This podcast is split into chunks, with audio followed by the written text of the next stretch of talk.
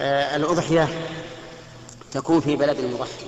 هذه هي السنة وهو المشروع وهو الأفضل والأكمل.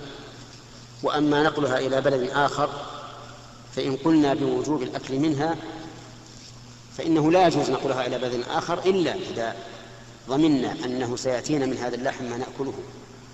وإن قلنا بعدم الوجوب جاز لكنه خلاف السنة.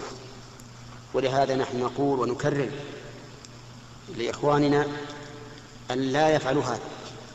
يعني أن لا أن لا يبعثوا بضحاياهم إلى الخارج بل يضحون في بيوتهم وبين أهليهم حتى تظهر هذه الشعيرة ويعرفها الصغار عن الكبار. وأما أن ترسل دراهم تذبح هناك ما يعلم عنها. وإذا كان يريد نفع إخوانه في البلاد الأخرى يرسل إليهم دراهم. قد تكون دراهم أنفع لهم من اللحم.